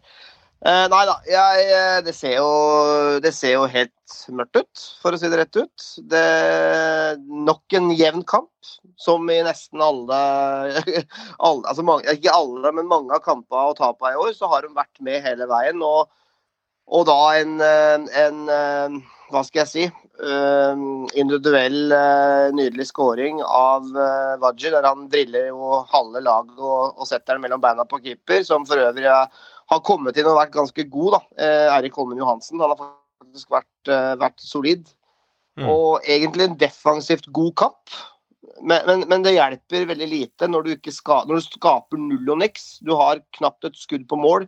Det eneste målet du, skuddet på målet du har, er vel da nesten på overtid, men det leveres der. Eh, og da slipper til den ene muligheten, og da taper den. Det, det nytter ikke å, å stenge igjen når du da slipper inn det ene og ikke klarer å skåre mål. Og det er så lite X-faktor.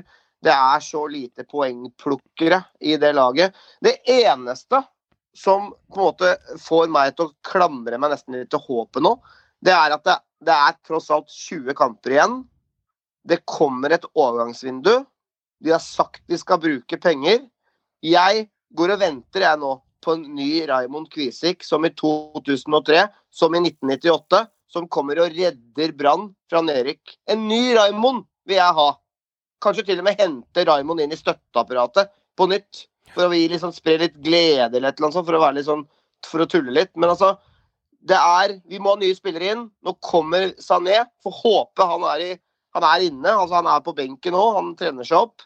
Felix Horn Myhre kommer. Gerson er etter hvert tilbake eh, etter skade. Kjøpte en skada spiller. Slå den. Eh, og så kommer det sannsynligvis noe mer krydder. Vi får tilbake Robert Taylor, som blir veldig, veldig viktig nå. Fordi det er lite poengplukkere, som jeg sier. Det er hvem skal skåre måla, liksom. Ikke Dauda Bomba, i hvert fall. Han vil ha bort. Og så må det komme en ny spiss. Det er pri nummer én. En ny spiss. Og gjerne Torgeir Børven, Børven. Han håper jeg litt på, selv om det håpet sannsynligvis er ikke noe å tro på. Nå håper jeg du får ønsket ut om Børven tilfredsstilt, for det begynner å bli ganske desperate takter Ja. altså når du skal hente inn Raymond Kvisvik for å fortelle vitser i garderoben. Eh, da begynner man å bli forholdsvis Ja, jeg er desperat, Tom! Ja, jeg, jeg skjønner det. Men altså, det det jeg blir litt oppgitt av Vi snakka om Nordnes har sett de samme kampene som oss. Ja. Jeg satt og så Odd og Brann i studio til, eh, til Radio Grenland. Og når jeg hører etterpå at det der i boksa det ble avgjort, og vi skapte nok til å vinne kampen, da ljuger de. Og jeg veit ikke hvem de prøver å overbevise.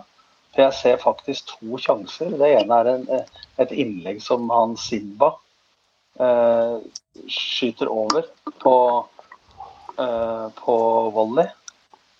Og det andre er en tellefeil på innlegg, eller så skaper de ingenting. Og sist så skaper de ingenting. Så det å drive og si at vi skaper nok til å vinne Ja, de er jevne kamper imellom 16-meterne. ja. Men hadde de skapt mye sjanser og, og, og bomma på dem, så hadde jeg blitt litt mer optimist. Jeg kan ikke se at de skaper noe særlig. altså Det har ikke jeg sett i de samme kampene som, eh, som Kåre og de andre.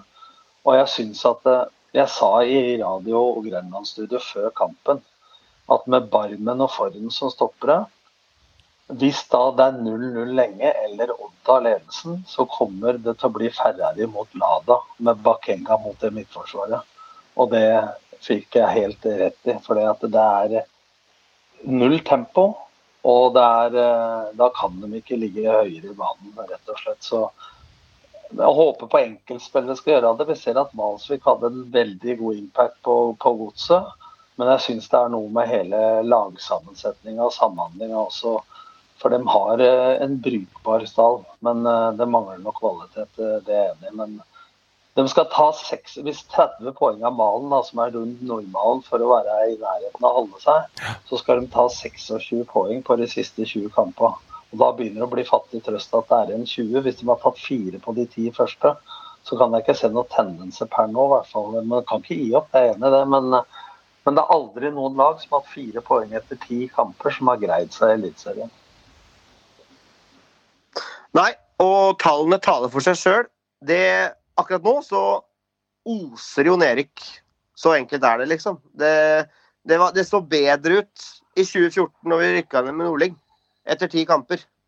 Og da rykka vi ned. og Nå, nå ser det ikke ut som det er sjans på kvalik nesten engang. Men altså, sånn som folk sier, da, det er, en satt, det er ikke mange poeng opp. Det er Stabæk og Sandefjord og de over der. Det er ikke mange poeng. Men de er nødt til å begynne å vinne kamper. Ta noen poeng her og der. Vi er nødt til det.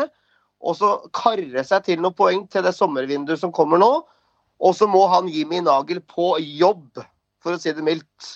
Og da eh, ser jeg bort ifra de elendige eh, eh, på en måte ryktet han har i Danmark. Han har et dårlig rykte i dansk fotball. Det er eh, på en måte eh, stemplet og vedtatt at eh, han ikke har fått det til. Men vi skal ikke så mange år tilbake der han gjorde det veldig bra med et Esbjerg-lag. Så han er jo ikke helt borte. Og han har også vært uh, sjefsspeider i FCK og, og, vært i flere store klubber. Så får jo håpe han ikke er noe dumskalle, og at han har brukt tida si nå i Danmark og på karantenehotell godt, og har en lang liste med aktuelle spillere som skal inn til Brann. For de har på mange måter uh, bekrefta, i hvert fall enn så lenge, Kåre er freda. Vi gjør ikke noe der, i hvert fall enn så lenge. Og det skal nye spillere inn. Så får vi håpe Men- men Håvard- at vi treffer. Men Håvard, ulempen med en dansk sportslig leder nå i den situasjonen det er, hvor godt kjenner han Nei, han kjenner ikke, nei, han kjenner ikke ligaen i det hele tatt. Norsk fotball, Brann sin spillestil osv. Men nå minner Brann meg om når jeg hadde Vålerenga i år 2000 med 14 millioner i budsjett. Brann er en merkevare. Det er Coca-Cola. Men forventningene til Brann dem er like høye uansett budsjett eller hvordan spillerstallen Ja. ser ut. Og det er litt av problemet i en by som Bergen. Forventningene til merkevaren er der. Og så tror man det er cola på flaska, og så er det per i dag bare saft. Så, det også må gå litt i takt, altså. av Det her sånn. Og dette her, her har jeg sagt lenge, gutter. Og noen har vært uenige også og ment at Brann har hatt en eh, bra stall osv. Og, så videre, og skal nesten være oppe i toppen. Altså, dette laget her er ikke i nærheten. Det er bare å se på hva de har. Eh, Det er, et, det et båndlag på papiret også, i, mitt hue. Og, og, og Bergens Tidende osv. Og, så og Pamer og gjengen før sesongen, hver eneste sesong, kanskje det er en del av stillinga, å hause opp Brann og, og snakke om et medaljelag osv. Men de er ikke i nærheten. Og, og de kan ikke trylle, men de har vært altfor dårlige i overgangsvinduene sine. De har bomma totalt i mange overgangsvinduer på rad. Og hva de egentlig har gjort eh, på mange måter etter at Lars Arne Nilsen også fikk fyken. Det er stått til stryk. Det er bare å se på hvor mange, mange kamper Kåre har vunnet. Det er vel en fem kamper på snart 30 eller et eller annet sånt. eh, Mener det er seks, ja. Mener det er seks, faktisk. Ja, det er, eh, det er syltynne tall. Ja. Eh, jeg vil ikke ha Kåre og Eirik bort ennå, men noe må gjøres. Og jeg håper, jeg lever i håpet som fan og optimist, holdt jeg på å si, så skal jeg kalle meg det, at vi treffer på overgangsvinduet, og at det kommer inn en eh, fyr som fyker inn goller. Det er jo kanskje euforien i Bergen da, som eh, du hinter til, som, som tror bedre om Brann. For ser du på de tipsene av sofaekspertene, som vi kaller oss, Synseligaen før sesongen, så snakker vi 14., 12., 13. og 12. plass, og en samlet eh, 13. plass fra Synseligaens panel på Brann, Håvard. Så ja, til og med vi har tippa de for Men- høyt, for nå akkurat nå ligger de på Men 16. men, 16. hva, men hva skjer da Mm. med Rikard Nordling? Og hva skjer med Kåre? Hvor god research gjør de på forhånd? Når de da program, eh, proklamerer at eh, det er, det er gull, nå er det gull som gjelder. Altså, Du kan jo begynne å lure på og Vi snakker om altså sofaeksperter og, og, og menigmann som skal titte på forventninger til merkevaren Brann. Men da har du klokketru på deg sjøl, altså enten det heter Kåre eller Nordling eller hva, når du kommer dit og sier at du skal ta gull, og så er resultatet til Nordling nedrykk og sparken. Eh, omtrent. Og så er det ligger Brann med fire poeng på ti kamper nå. Det er klart at jeg, jeg ser at Kåre ikke har det mannskapet som Håvard sier, men i all verden, hvor god research har man eh, gjort da på hva egentlig stallen inneholder? Det lurer jeg litt på. Den står til stryk. Så enkelt er det. Du går til sesongstart med to stoppere. To rene stoppere. Du selger han lovende svensken til Djurgården for lommerusk. Og så sitter du inn med stakkars Aune Heggebø og Davida Bomba. som eh, dessverre ikke klarer å skåre mål. og skal ikke ta noe bort fra Aune Heggebø. Han jobber hos Stov, er 19 år gammel. Har kun spist, eh, spilt en halv sesong i Obos. Det er ikke han vi skal ta her. Eh, Men det kan jo begynne å lure litt også når vi låner ut eh, Hustad, da, som, som faktisk da nesten er toppskårer i Obos. Så kanskje vi skulle i hvert fall gitt han en sjanse, da. Når man begynner å skal leite her da, med lommelykt for å finne ting. Så ja, det, det er mye rart. Og, og, og det, må, det må handles. Men for å ta tak i det du sa der, Tom. eh, Litt interessant. Det er fire sofatippere, inkludert Syseligans på det. Vi kan kun snakke for oss selv, som tipper Brann før sesongstart på 12. til 14. Ja, vi kunne bomma, men det ser ut som vi kommer til å treffe ganske greit, til og med litt høyt i forhold til åssen de ligger an nå.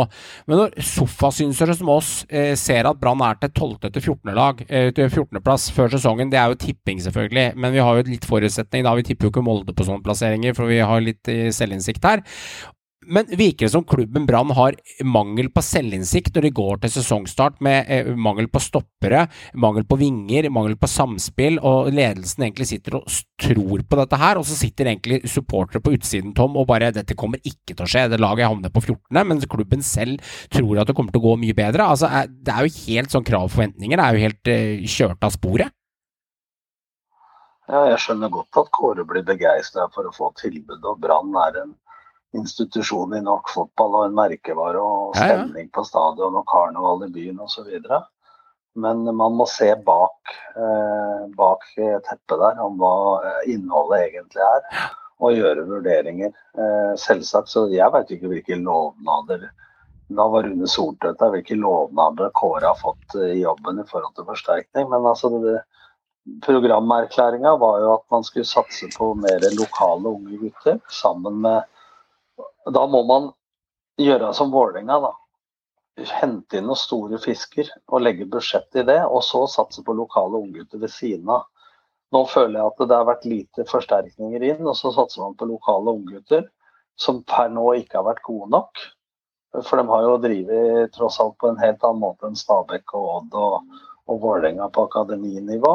Selv om det kommer seg i Bergen også. Nå har de starta NTG Ung der også.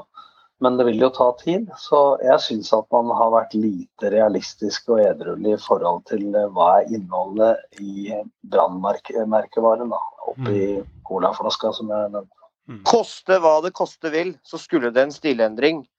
Altså, Lars Arne Nilsen, jeg var også en av de som ville ha han bort på slutten der. Man blir faktisk litt påvirka, og det var kjedelig å se på, så, så ærlig må jeg være. Men den mannen, han skaffa uh, opprykk, han skaffa sølv, han skaffa bronse, og Brann lå trygt plassert midt på tabellen når han måtte gå. Uh, og var kjeppjaga nesten ut av byen. Uh, det var et krav fra fansen og media, og de hadde stekt den i flere, flere måneder eh, før han måtte, måtte gå. Og se hvor vi ligger nå. Eh, jeg sier ikke at Brann hadde vært så fryktelig mye bedre med Lars Arne, men, men han klarte i hvert fall å få en del ut av mannskapet, da. Og, eh, og nå ser det helt mørkt ut. Ja, og, Og da, da da er det Ja, ja, korrekt. Ta ordet, Tom. Og as, og as we speak så bommer Sveits på straffe, og angrepet etterpå så utligner Frankrike til 1. Oi, oi, oi. Oh yes. Sånn er det. Eh, Håvard, til helgen da så møter, eh, møter de høytflyvende Lillestrøm. Eh, og det, der er det jo selvtillit og blomster og kake på bordet der, for å bruke litt metaforer på det. Mens Brann de jager etter en trepoenger. Altså det Men, Håvard. Er dette her den typiske kampen? Vi kommer til det, vi kan kommentere litt om kampen. Det er hvor Lillestrøm flyr høyt. De har tatt knekken på Rosenborg, knekt nakken på de. Ingen eh, tenker at kveldskampen klokka åtte i litt sånn flomlys med god varme i Bergen, der har ikke Brann sjans. Og så er dette Eliteserien, og vi vet hva som plutselig kan skje. At Lillestrøm blir jekka ned to hakk. Er det håpet ditt i helgen, eh, eller til onsdag, Håvard? Selvfølgelig er det håpet mitt, men om det er realistisk å håpe på det, det, det er jeg usikker på. Altså. Jeg er veldig veldig usikker på, på om vi kommer til å vinne noe særlig med kamp framover, for å være helt ærlig. Eh, For hvem skal skåre mål? Hvem skal, hvem skal eh, skaffe oss de poenga? Eh, nei, det, det ser mørkt ut. Det gjør det. Så jeg klamrer meg til håpet, men det, ser, det, det oser nedrykk. Det gjør det, og det er trist, rett og slett. Det er trist. Eh, Meran, du så denne Men, men, men til, til en eh, til opplysning til Håvard, da, så er jo Khan Kairin og Filip Sjørdal har stått over treninger etter kampen med, med skade. Ranger tilbake etter karantene. Eh, Helland ute med den strekken. Så det blir jo litt mer spennende nå, da, om eh, de fortsetter i 3-4-3 med Dragsnes ned på venstre stopper og, og Daniel Gustavsson inn på venstre kant, som for øvrig gjorde et kjempeinnhopp. Så, så det er jo litt rusk i maskineriet der òg. Men én ting kan jeg love dere, i hvert fall at ikke Lillesund på noen som helst måte ble høye og mørke. Såpass godt kjenner jeg til de interne der at, at Men det er tøft å komme til Bergen uansett. Da. Det er ikke noe sånn walk in the park for noen, noen lag. Det er det ikke. Det er det ikke. Det er Eliteserien som sier, der kan det meste skje. Meran, du satt og så på Sarpsborg Viking. Jeg sendte meg en melding midt i matchen der at uh, egentlig din beskrivelse, hvis jeg leste uh, kort beskrivelse da, fra fire setninger, så oppsummerte det egentlig skitten kamp. Her foregår det ting. Og det er faktisk andre kampen på rad. Viking hadde jo en kamp der for noen runder siden med ni gule kort, og nå er det igjen en ny kamp med fem gule kort. Og vi har diskutert dette her, at Viking er sånn altså Altså, det er litt sånn hisse på seg-lag, og det skjer mye greier der. Og vi fikk se litt slag fra litt Sarpsborg-spillere, og Austbø var ute og vingla litt. Og det foregikk mye, og Bohin tar litt affære etterpå og sier at sånn skal vi ikke ha det i, vår, i, i vårt lag. Men det, Viking vinner den kampen 1-2 og drar det land litt på slutten. Litt som Viking, du vet aldri hva du får. Men det er underholdning i hvert fall, da, Meran, når du ser disse matchene her. Ja, definitivt. Jeg, jeg liker jo det, da. Jeg liker når kampene er sånn. Jeg liker når det er litt temperatur. og og så, og så, liker jeg hvordan tenningsnivået er i Viking. Da. Det er jo litt det jeg og Håvard prøver å få til laget vårt òg. Det er lov å være litt kynisk. Mm. Det er lov å gjøre det som må til for å vinne kampen. Mm. Det er lov å gjøre det som må til for å backe opp lagkameraten. Altså, de spiller med hjertet, da. Ja. Det, det, det, liker jeg med Viking. Og så blir det litt overtenning innimellom, men det er jo for oss seere, da, så er det bare morsomt å se på. Det er jo herlig å se på, egentlig. Det, men det jeg ikke syns er herlig å se på, det er når, når uh, Sarpsborg-spillere da holdt jeg på å si nesten tyr, tyr til vold. Du, ja. du, blir så provosert at du da ikke klarer ja. å styre deg og begynner å skalle ned folk og slår til folk. Altså det Altså, få det bort. Mm. Altså, Bare et spørsmål ja. der Håvard. Han Rashad Mohammed han skalla jo, men fikk ikke rødt i kampen. Men han har vel fått en kamps karantene etterpå? Altså, klubben har gått inn selv. Tom, det syns jeg er riktig, for det der, der er ja, men, det stygg, men, styggeste jeg har men, sett. ja, ja, klubben har gjort det, men når dommeren ikke dømmer, så har også Riktig. NFF mulighet til å gå inn og straffe forseelser, som, som det skulle vært gjort på Åråsen. Og så var Ja. Molins ga en albu rett i Ja, magen. veldig på stygt, det òg. Veldig Ja. stygt. Og det som eh, Sebulon det Har det skjedd noe der, forresten? Nei, ingenting. Ingenting. Ingenting. Ingenting. Og det som Sebulonsen gjør, da Han blir så sjokka. Han får jo skalla til midt i trynet. Han går jo opp og, og, og, og snakker til Mohammed, Rashid Mohammed. Vi vet jo ikke hva han sier der, men han blir jo så sjokkert at han faktisk blir skalla til. Så han, han, han filmer jo ikke, han legger seg jo ikke ned. Han blir jo stående. Og som jeg så faktisk Mats Hansen sa på, på Twitter, jeg er helt enig, hadde han lagt seg ned der og, og, og kasta seg som Iven Austbø gjorde på den dasken han fikk, så hadde det vært nytt rødt kort. Men nå skjer jo da eh, ingenting. Og, og Rashad Mohammed eh, kunne jo strengt tatt bare gått videre til neste kamp. Men sånn kan vi ikke se på norske fotballbaner, og det der må vi få bort. Det er en eh, fryktelig uting. Og jeg syns det er riktig av klubb å straffe egen spiller for sånn oppførsel. for sånn eh, vil jeg ikke se. Og så veit vi jo at Viking det er et lag som hisser på seg folk. Ja. Det er de gode på, på Ja. mange måter. Og Men det går ei grense. Det går ei grense. grense. Det går ei grense for meg mellom kynisme og dumskap. Og for meg så er dette dumskap og ikke Det er kynisme. dumskap. Og jeg syns det er forbilledlig av Berntsen og Bohinen at de, eh, det, som du sier, Håvard, eh, straffer dem sjøl. Ja, og det er jo ingen tilfeldighet. Vi snakket jo om eh, for to runder siden mot Enga, så var det ni gule kopp, eh, kort i matchen der. Det er to runder siden. eh, og så fikk, var det nye fem-seks i denne matchen her. Og det råeste laget i Eliteserien etter åtte-ti kamper spilt, eh, lagmessig, det er eh, Viking. De ligger med 20 gule kort. Og det er det er jo fakta svart på hvitt eh, på en dataskjerm, så de er det råeste laget. Dere kan jo få ta en liten gest der før vi eh, hopper videre. Hvem tror du er det minst rå laget i Eliteserien etter alle disse rundene, Håvard? Hmm. Sandefjord. Liten quiz i quizen. Du tipper Sandefjord, Meran tipper Stabæk, for vi er jo så snille. snille gutter i Stabæk, ja. Og, og du, Tom, hva tror du? Odd, eh, Odd eller Bodø-Glimt. Stabæk er det fjerde råeste laget, så det er ikke helt objektive menn. Så det, det ja, kan jeg si. røde kortet ødela litt, ja. Nei, det har ikke så mye å si. Det er de gule som har noe å si her. Eh, de røde har litt Ja, å si, men det det er gule. mye gule kort her òg. Og så er Odd tredje, eh, tredje eh, minst rået. De ligger på eh, tredje besteplass, da. Tredjeplass, for å si det sånn. Og så har faktisk Håvard rett. Sandefjord er det minst råe laget i Eliteserien, med ni, så det er spot on. Så eh, det er eh, sånn det ligger an, faktisk. Jeg syns Sarpsborg eh, i den matchen her, det er sånn typisk Sarpsborg, da.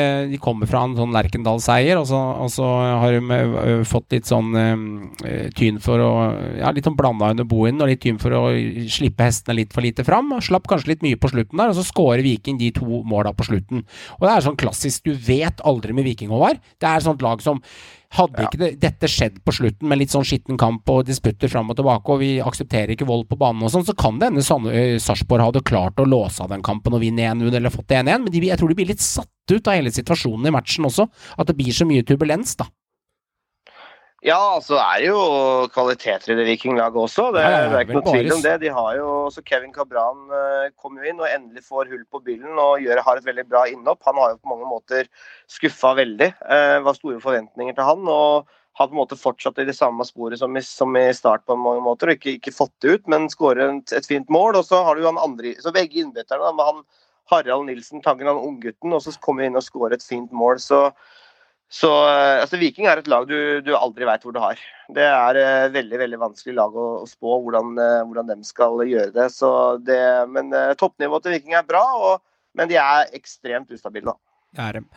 Forrige runde så spådde vi litt resultater, og det er jo gledens time da å se at Joakim traff på 1-1 i matchen Kristiansund-Mjøndalen, så han stikker av med en trepoenger. Eh, bomma i neste match, men tre poeng innkasserer eh, Joakim der.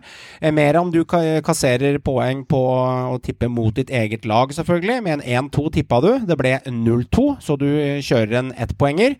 Eh, Johan kjører nettpoenger på Sarp Viking. Jeg tippa borteseier til Viking med 1-3, men det ble 1-2. Eh, Håvard, du får dessverre ingen poeng på dine matcher eh, denne runden. Og Glimt eh, Stabæk, Joakim var on fire. Altså, han tippa 5-1 til Glimt. Det endte eh, 4-1 der, så han holdt nesten på å treffe på et brawler resultat med en ny trepoenger, men han stikker av gårde med ett poeng der. Så samlet nå så har Håvard fem poeng, eh, Johan fire, Meran fire og eh, Joakim seks. Så det er veldig, veldig jevnt i sammenhengen på å tippe resultat. Vi skal tippe resultater og neste runde, og vi skal starte hos deg i dag, Meran, med to matcher. Du kan kommentere litt åssen du tror matchene går, og avslutte med resultat. Og så kan du dytte ordet over til Håvard etterpå. Trenger jeg litt lyd fra deg, så hadde det vært fint. Eh, hjertelig takk. Beklager. Eh, nei, jeg har to kamper. Den ene er jo eh, Molde-Godset. Det er vel en klink eh, hjemmeseier. 3-0 eh, Molde, tipper jeg der. Tror ikke Godset skårer. Jeg tror eh, Molde burer igjen. Er sterke og solide 3-0. Så har vi eh, Rosenborg-Haugesund.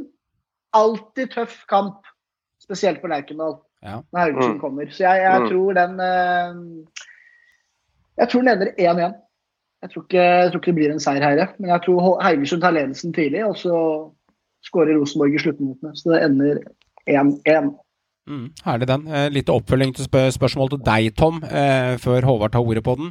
Hvis den ender 1-1 på Lerkendal, eller Haugesund stjeler poeng som de ofte gjør på Lerkendal, eh, hvordan ser mandagen på brakka klokka sju da, med litt eh, solfyll himmel og litt skyer ut for Åge Hareide? Nei, ikke på mandag, men på, blir det da på tø- Torsdag blir da. torsdagen? Ja. Ja.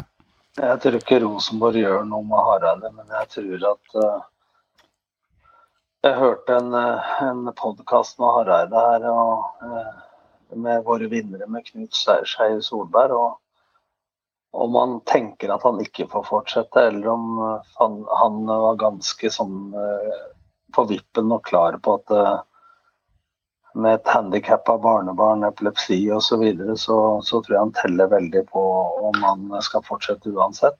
Og jeg, om Rosenborg forlenger det, det vet jeg ikke, men jeg er litt enig med de som har sagt at enten må du nå prøve å forlenge med et par år med Åge og la han få tid, eller så, eller så må man eh, bytte nå eh, etter sesongen.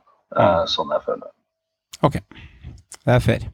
Ser den. Eh, Men jeg syns, jeg syns, men jeg syns også at eh, jeg må si at Åge har eh, gjort ekstreme resultater og vunnet i Norge, Sverige og Danmark. Men at eh, jeg syns han må ta sitt ansvar også, for jeg syns ikke laget nå står fram verken defensivt eller offensivt veldig bra organisert. Og det er sammensetning av folk med mye like kvaliteter i midtbane, og alle flytter beina like sakte osv. Og, så videre, og stoler veldig mye på rutinene. Så jeg, jeg syns også at uh, ikke Rosenborg ser sånn ut som jeg syns vi kan forvente da, med Åge i sjefsstolen per nå. Det, men det var nok klar på på Åråsen etterpå at uh, han var jo ærlig og sa at dette er sportslig krise for et lag som Mm. Rosenborg. Og det må jeg være ærlig og innrømme at jeg er enig i. Mm. Mm. Et lite siste spørsmål til deg. Det er, det er jo ikke fans som avsetter eller eh, setter inn trenere, men eh, Åge Hareides eh, ja, hva skal jeg si, po- popularitet hos Rosenborg-fansen, inkludert meg selv, eh, har jo en veldig fallende aksjekurve. da, eh, og Hvor mye tar man hensyn til det på sånne ut, utenomstendige ting i en fotballklubb? Har det noe å si, eller, er- eller må man bare fjerne sånne ting i en sånn prosess?